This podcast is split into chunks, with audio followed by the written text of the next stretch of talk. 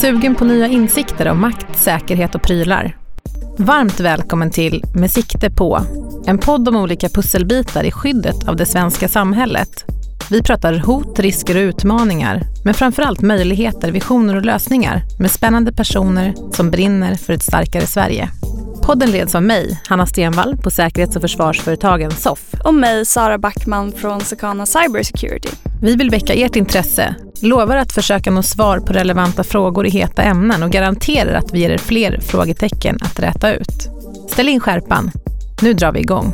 Man måste ju liksom ha en vilja att man, man ska göra rätt och följa. Paragraferna är till för att det finns, man ska skydda information helt enkelt. Och ibland bryter man fokus till att man ska inte bryta mot en paragraf istället för att titta var, och varför är anledningen till att paragrafen finns? Jo, det är ju för att man vill ha en god informationssäkerhet. Pia Gruve har grundat sin karriär med matematikerlinjen i Lund och är idag chef för avdelningen för krypto och IT-säkerhet vid militära underrättelse och säkerhetstjänsten, MUST. En av de frågor hon brinner för är att lyfta cybersäkerheten på rätt nivå i ledning och styrelser. Och hon sitter själv med i Post och telestyrelsens styrelse.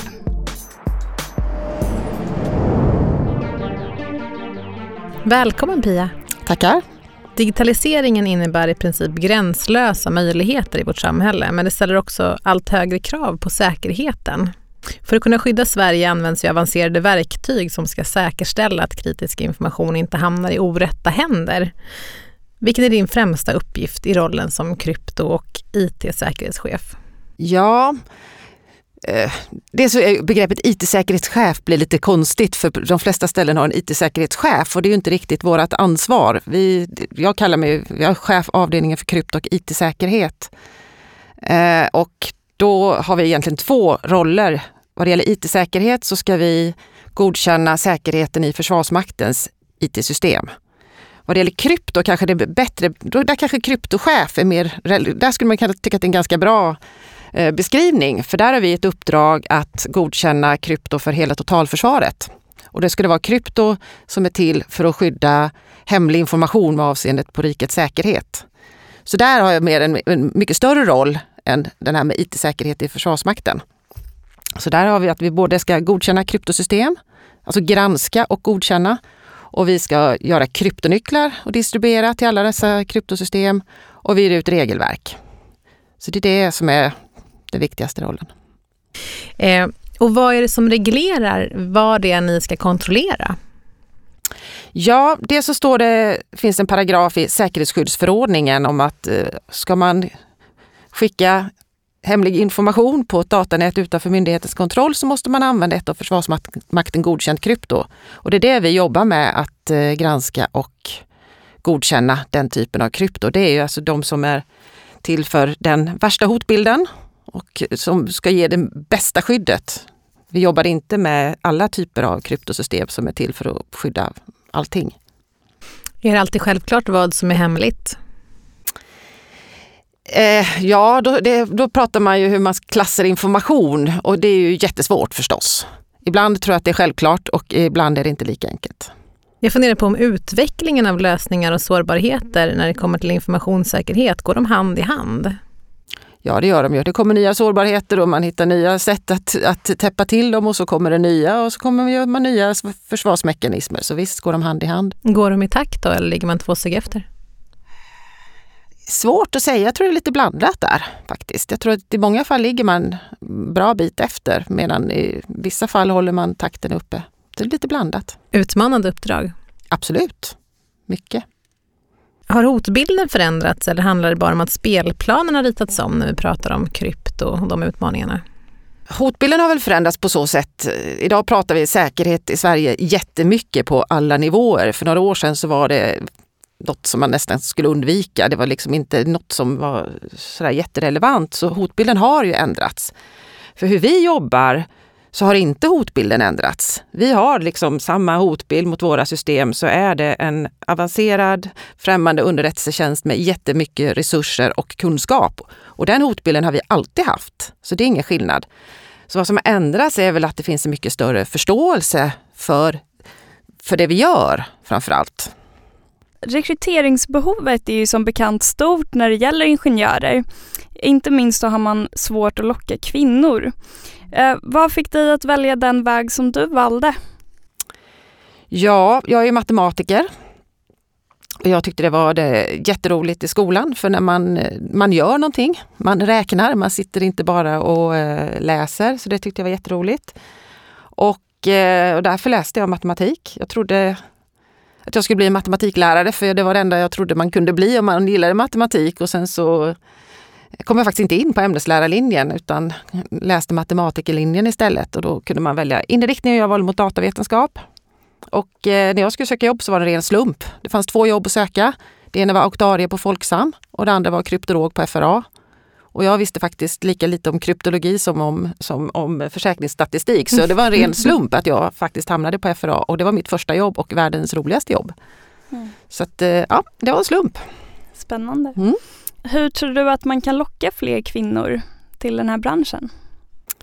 Ja, det är ju en jättesvår fråga. Hade jag svarat på det så skulle vi haft fler kvinnor i branschen. Jag vet Dels så tror jag kan, kanske nu, det var ju jättelänge sedan när jag gick i skolan, men eh, man har en känsla av att man kunde gjort undervisningen på ett annat sätt för att få de ämnena mer intressanta för tjejer. Det kanske inte är så idag, jag vet ju inte riktigt. Mina döttrar då, som, de är inte teknikintresserade kan jag säga.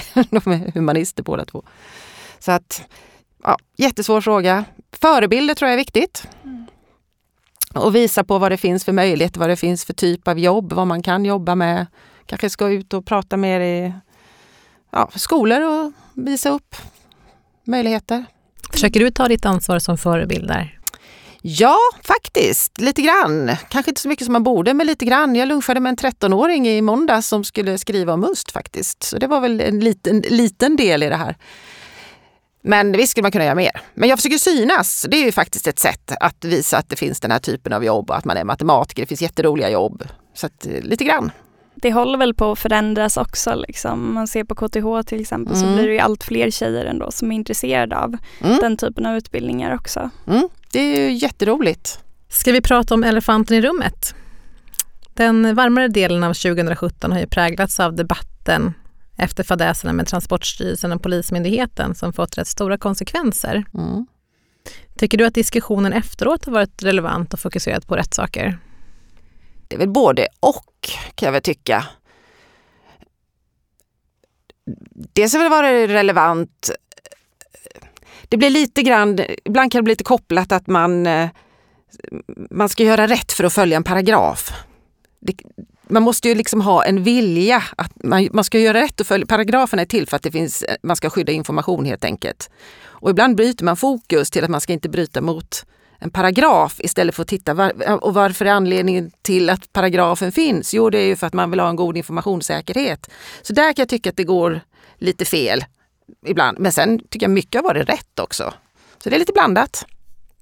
Att man, man tappar bort syftet någonstans Ja, man tappar bort syftet ibland. Mm. Jag tycker det liksom att vi ser ibland att ja, det viktigaste är att komma, få vårt okej okay liksom på IT-säkerheten. Men man måste ju ha en vilja. Är, vi ska inte använda systemen till exempel. Vi ska godkänna säkerheten i våra IT-system. Men det är som att det viktigaste är att få vårat ja. Men jag menar det viktigaste måste vara att man har ett säkert system. Mm. Vi ska ju bara vara liksom den sista provinstansen. Mm. Men man måste ha viljan själv och veta varför. För annars, mm. annars blir det aldrig något bra. Det är väl också det här med liksom att awareness egentligen mm. är en super, super viktig del av det. Att man inte bara ser det som någonting som bock i rutan. Liksom, Nej, utan... Något, jag håller helt med. Ett nödvänd, det ska inte vara ett nödvändigt ont utan det ska ju mm. verkligen vara att man förstår varför. Mm. Att man inser att det är ett verktyg mm. som man har att jobba med helt enkelt. Absolut. Vad är nyckeln till att hålla en tillräckligt hög säkerhetsgrad för känslig information då? Jag tror inte det finns en nyckel. Det finns ju det är en massa olika nycklar man ska ha. Och som sagt, mitt specialområde är ju krypto. krypto då. Det är ju en del, det är ett verktyg. Inloggning, antivirus, eh, intrångsdetektering, loggning, intrångsskydd. Det finns ju jättemånga, jättemånga verktyg man behöver. Och det, är inte jätte, det finns inte ett verktyg som löser allting, det kan man ju vara säker på. Utan man måste ha en kombination av verktyg. Mm. Du har ju ett favoritverktyg. Mitt favoritverktyg är ju kryptosystem då det är förstås. fantastiskt. Och från det här bananskalet när du står Mm. där och då inte riktigt vet var du ska någonstans och råkar hamna där du hamnade till slut Mm. ändå, till liksom att du verkligen, det är din grej idag, det är din core business. Mm, det är det. Eh, hur kommer det sig att du blev så fascinerad av krypto? Ja, jag trodde väl kanske från början att ja, men det där var ju mycket matematik. Och det är mycket matematik. Det är ju kryptoalgoritmer, det är ju matematik. Men det är bara en liten del. För sen eh, finns det, det ska vara användbara system, det kommer in användargränssnitt. Det finns en massa politik, det finns en massa diplomati. För det är ju liksom svårt att arbeta tillsammans med andra länder inom det här området. Och sen så ska man, sen är det ju teknik, du ska bygga lådor liksom någonstans som man ska kunna granska och så vidare. Det finns, hur, det finns så hur mycket i det här området och man kan aldrig lära sig allting och det utvecklas jättemycket. Så det är, det är ett så stort område som innehåller allt tycker jag. Och det har gett påverkan i historien till exempel.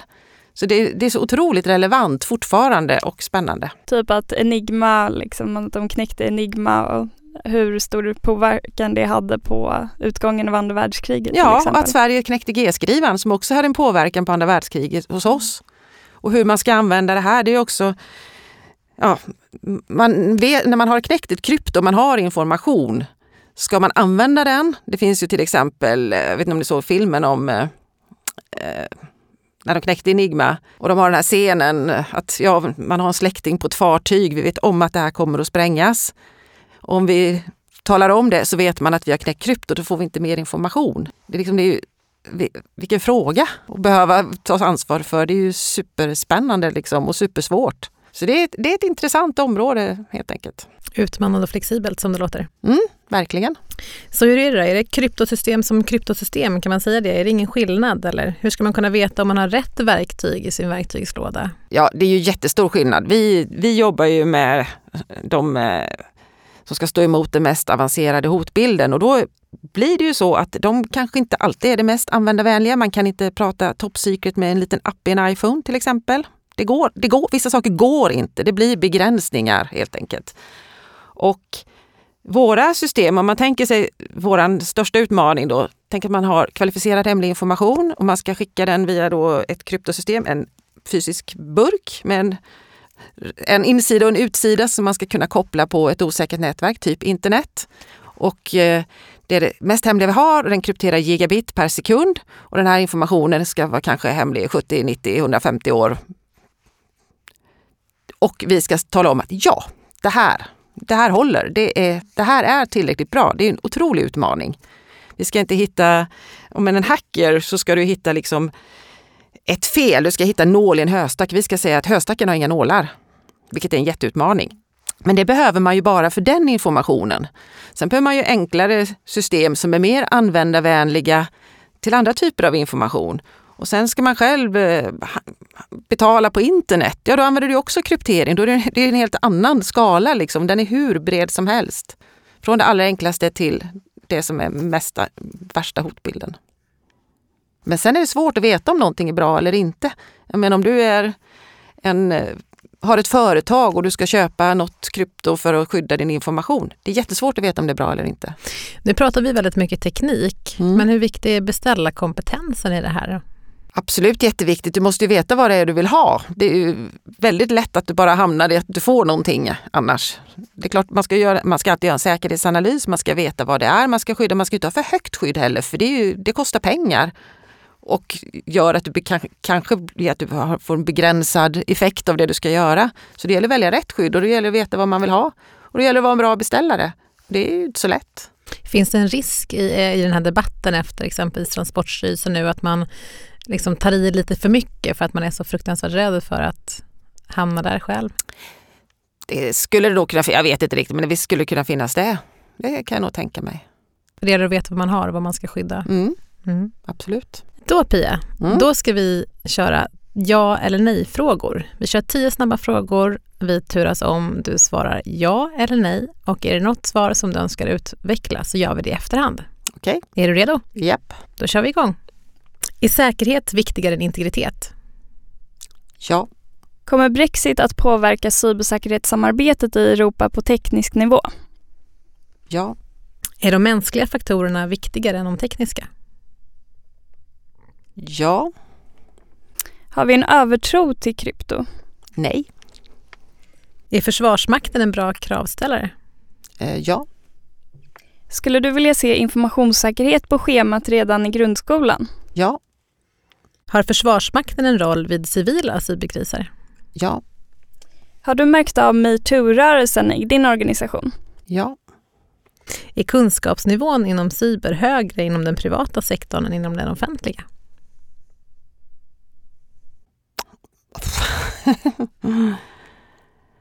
eh, ja. Är du rädd för Ryssland? Nej. Säkerhet kontra integritet, det är väl en härlig bit att välja mellan? Ja, den var ju jätterolig att välja mellan. Men du väljer ändå säkerheten? Ja, det gör jag. Sen eh, det ena behöver inte förta det andra i någon mening så det är ju inte, det är inte så svart och vitt eller, men jag var tvungen att välja något. Absolut. Så då valde jag det. Klokt. Grundskolefrågan då? Mm. Att få in de här ämnena tidigare. Du var inne på det tidigare Mm. själv också. Mm. Det tror jag skulle vara jättebra. Och just, just med medvetenhet tror jag måste börja där. Och är man medveten så får man hitta verktyg och så vidare. Men att förstå och speciellt som sagt, de är ju, ungarna är ute på nätet jättetidigt och kan göra saker som aldrig kommer att försvinna till exempel. Och det är också viktigt att förstå vad det är som händer när man lägger ut bilder till exempel. Så det tycker jag, den, den känns jätteviktig. Den var enkel att svara på. Man får vara glad att, man inte, att det inte fanns Facebook när man själv var så ung. Eller hur? Ja, och det är ju verkligen en, eh, alltså det är ju en generation nu liksom som kommer ha, liksom, eh, ja, som växer upp liksom i hela sina liv. Um, liksom att internet har funnits där och Mm. den här digitaliseringsgraden så när liksom internet blir ett sånt medium för dem i liksom allt de gör så är det ju ändå ganska naturligt liksom, kan man Mm. tycka att det borde finnas lite utbildning i hur Mm. man använder det på ett säkert sätt. Håller med. Men det är det. Man ligger lite efter helt, hela tiden. Mm. Tekniken går först och sen som du var inne på där så kommer det efter. Den sista jag vill koppla tillbaka till det är kunskapsnivån, för den är ganska intressant. Den tog en liten stund att svara på. Ja, Jag förstår att det är en sjukt svår Ja, fråga. var Men kunskapsutbytet då, finns det mellan eh, det offentliga och det privata idag? ja, det gör nog en del. Det tycker jag. Kunde det finnas mer? Det kan du säkert. Det var den elfte ja Mm. nej-frågan. Ja. I debatten så låter det ju ofta som att i princip alla cyberhot kommer från statliga aktörer eller man pratar i alla fall väldigt mycket om hotet från statliga aktörer. Eh, men hotbilden är väl lite mer komplex än så? ja, absolut. Däremot, där vi jobbar, då dimensionerar man ju mot den hotbilden, för det är den, den tuffaste hotbilden. Men absolut, det finns ju andra hotbilder och det är väl inte statliga aktörer mot alla typer av verksamheter som är hotbilden. Så det är klart, man, det finns olika hotbilder, absolut. Och jag tänker också att alltså risken att cyberattacker som inte kommer från statliga aktörer stör ut kritisk infrastruktur till exempel. Absolut. Eh, Och då blir det liksom verkligen en, en nationell kris. Absolut, det skulle det kunna vara. Hur står sig Sverige internationellt jämfört med andra länder på kryptoområdet? Vi är jätteduktiga, självklart. Eh, vi är ju en av sex nationer i, inom EU som är så kallade godkända andrapartsgranskare av EU-system. Och för att komma dit så måste man vara duktig helt enkelt. Man måste visa att man har en egen industri, att vi kan ta fram eh, ja, egna system, att vi är bra på att granska och kunna visa upp de här processerna för EU för att bli godkända att vara en, en granskare där. Så vi är duktiga och det beror mycket på att vi har en lång tradition. Sen Arne Börling knäckte G-skrivan och man har byggt upp den delen av eh, forceringsbiten så bygger man ju samtidigt då en kunskap om hur man bygger krypto. Man vet hur man forcerar så bygger man en kunskap om hur man bygger krypto. Det har vi ju också gjort sen eh, några år, ja, 50-talet. Så vi är duktiga och har en jättelång erfarenhet. Och vi har en duktig svensk industri. Vad betyder det för Sverige? Det är jätteviktigt för att det, om man tittar idag, om man ska ta fram ett kryptosystem så måste man ju se även på supply chain, alltså hur bygger de sitt system? Vad har, köper de komponenter? Har de, när de eh, programmerar sina kretsar, vad gör de det i för utrustning? Är den ansluten till internet så skulle man ju kunna påverka chippet så att det gör någonting helt annat. Och hela den kedjan måste man ha med och det är väldigt svårt om man har en utländsk aktör.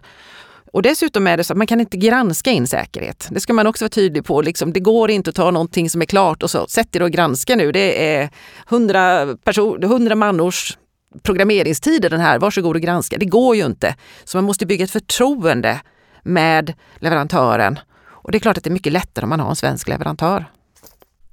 I somras så presenterades eh, Sveriges första nationella cyberstrategi. Mm. Vad tror du att det kommer ha för effekt? Svårt att säga. Det är väl bra att det finns en i alla fall tycker jag. Eh, de flesta länder har ju haft det tidigare. Eh, no, svårt att säga. Jag har jobbat för att det skulle stå någonting om krypto i det och det gör det. det är bra, vi har olika mål, det är mm. fantastiskt. Men om vi, just den strategin som du sa, det är många som har haft det tidigare. Vi var bland de sista att mm. lansera en sådan. Mm. Eh, vad säger det om Sverige? Jag tänker att vi är väldigt duktiga, men vi var också sist. Ja, vad säger det? Man hade svårt att få ut ett dokument kanske. jag vet inte. Hade ett annat fokus. Mm. Hur samarbetar vi över nationsgränserna gällande det här området? Eh, då tänker jag till exempel inom EU eller till och med med NATO. Mm. Jag håller med rätt mycket till kryptområdet då, för det är ju min kompetens. Och eh, som sagt, det är ett svårt område att samarbeta inom eftersom de flesta länder vill lyssna på andra och eh, skydda sig själva, vilket gör att det inte är kanske är det mest naturliga att samarbeta inom. Men vi försöker ändå hitta några partners inom EU som man försöker jobba med så långt det går. Sen har man aldrig hundraprocentigt utbyte med någon, det har man inte. Men man kan hitta sätt att samarbeta. Vi har några samarbetspartner, det har vi. Och sen är, det så att vi måste vara internationella. Att när jag började så hade vi ingen kommunikation i princip med andra länder och då kunde man bygga egna kryptosystem som inte prata med någon annan. Idag är det så att om man ska utbyta hemlig information med ett annat nation, då måste man ha ett gemensamt system och då måste man komma överens om vilket. Annars är antingen är det vårt och vi lånar ut det till den andra eller så lånar vi av den andra. Så man måste liksom komma överens. Det är oundvikligt och vi har ju väldigt mycket internationella samarbete idag och vi skriver väldigt mycket avtal då. Om vi lånar ut våra system så skriver vi ett avtal där motparten förbinder sig att använda det på det sättet som vi vill och så gör vi samma sak mot dem. Och vi har även samarbete inom EU i och med att vi är just godkända för att granska krypto inom EU så sitter vi i något som heter Aqua Reference Group tillsammans med de övriga nationerna. Då har man även en möjlighet att påverka policies inom EU.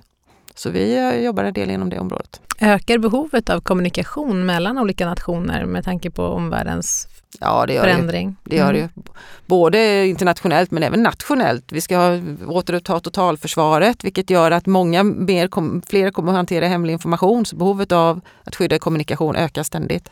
Uh, är du själv rädd för att bli av med information? Uh, vi pratar om riskerna som kommer med den ökande digitaliseringsgraden. Uh, men agerar du privat annorlunda än vad du gjorde för tio år sedan till exempel?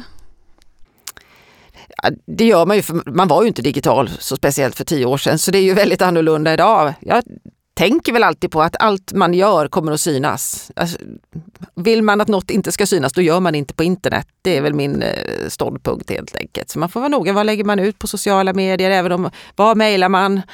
Vad kommunicerar man? Och så får man vara beredd på att det kommer någon annan att kunna ta del av. Annars mm. så gör man inte det på nätet. Jag tänker ofta att eh, man betalar för liksom gratistjänster med sina personuppgifter. Men att det är en valuta som folk inte vet om att de betalar med. Liksom.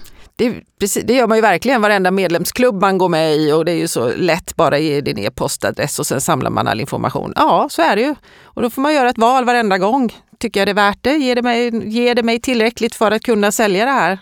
Och då får man välja. Men jag håller med om att de flesta tänker nog inte den banan utan ser det mer som en gratistjänst.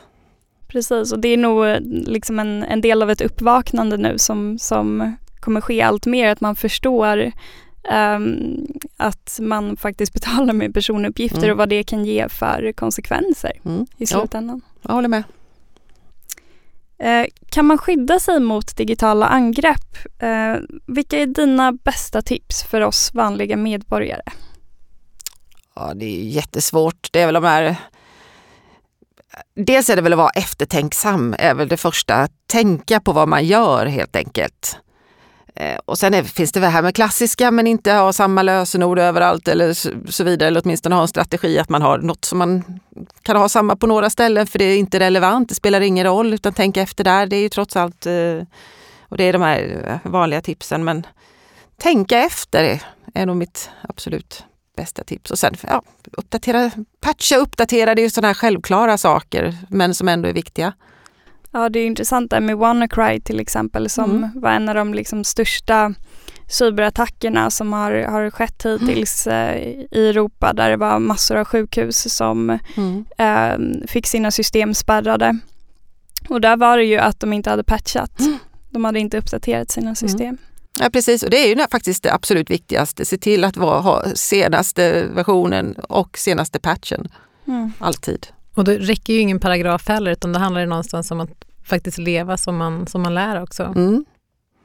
Om man tittar på IT-system, att ha en sund drift och förvaltning är nog faktiskt det absolut viktigaste. För har man inte det, då har, då har, man inte nästa uppdatering och då är man mycket mer utsatt. Och här tänker jag också, liksom just som du säger med den här medvetenheten, att det är också eh, något relativt nytt. För man kanske har haft föreställningen förut att man klarar sig Uh, liksom med teknisk, bra teknik liksom. Mm. och att det, att det räcker. Liksom. Mm. Men att idag så, så, måste liksom varje medborgare egentligen ha en grundläggande cyberhygien. Liksom. Mm. Och, och, att man, man förstår att man kanske inte ska, liksom, eh, om man hittar ett USB-minne på marken, att man inte ska stoppa in den i sin dator. Mm. Eller Eh, Eh, jag kommer ju från akademin liksom och att man kanske inte stoppar in ett USB-minne i en konferensdator och sen går hem och stoppar in det i sin egen dator igen. Liksom.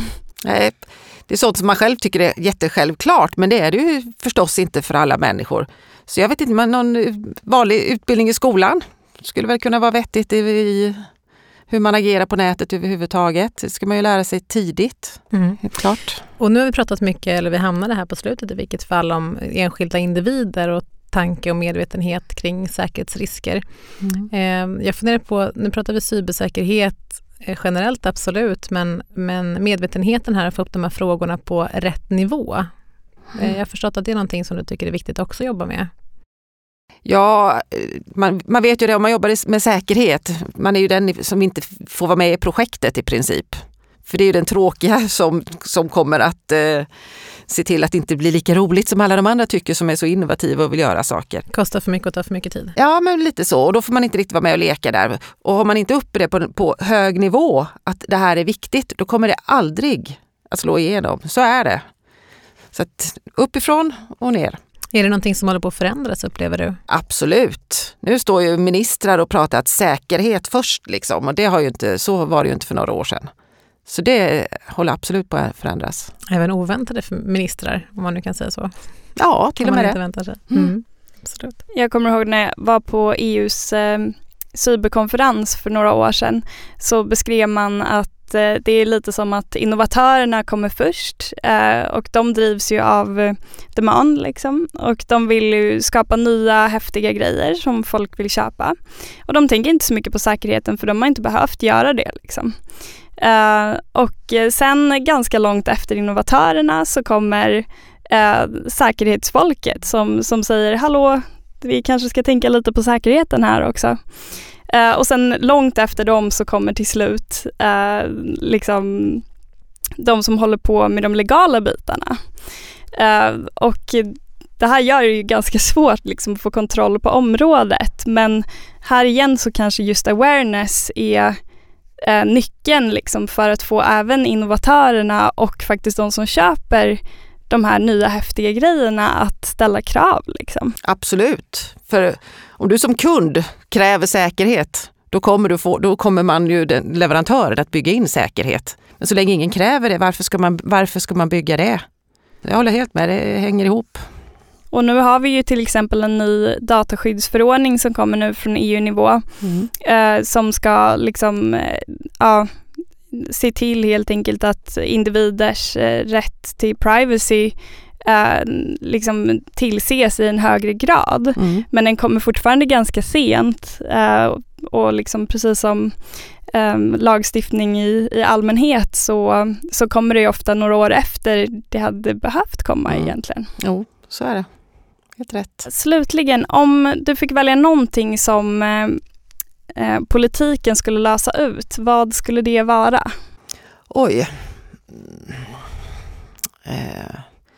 Just nu så tror jag nästan att få mer utbildade människor driva den frågan. För att det, det, saknas folk i den här branschen och då måste man se till att det finns vettiga utbildningar och så vidare. Den frågan tror jag skulle kännas spontant är den viktigaste just nu. Och jag tänker också liksom att det kanske blir fler utbildade bridge builders, liksom folk som kan lite tekniskt och lite management. Liksom. För nu så har det ju varit mycket att det finns folk som är väldigt, väldigt duktiga på de tekniska aspekterna mm. och sen finns det folk som är duktiga på managementaspekterna. Mm.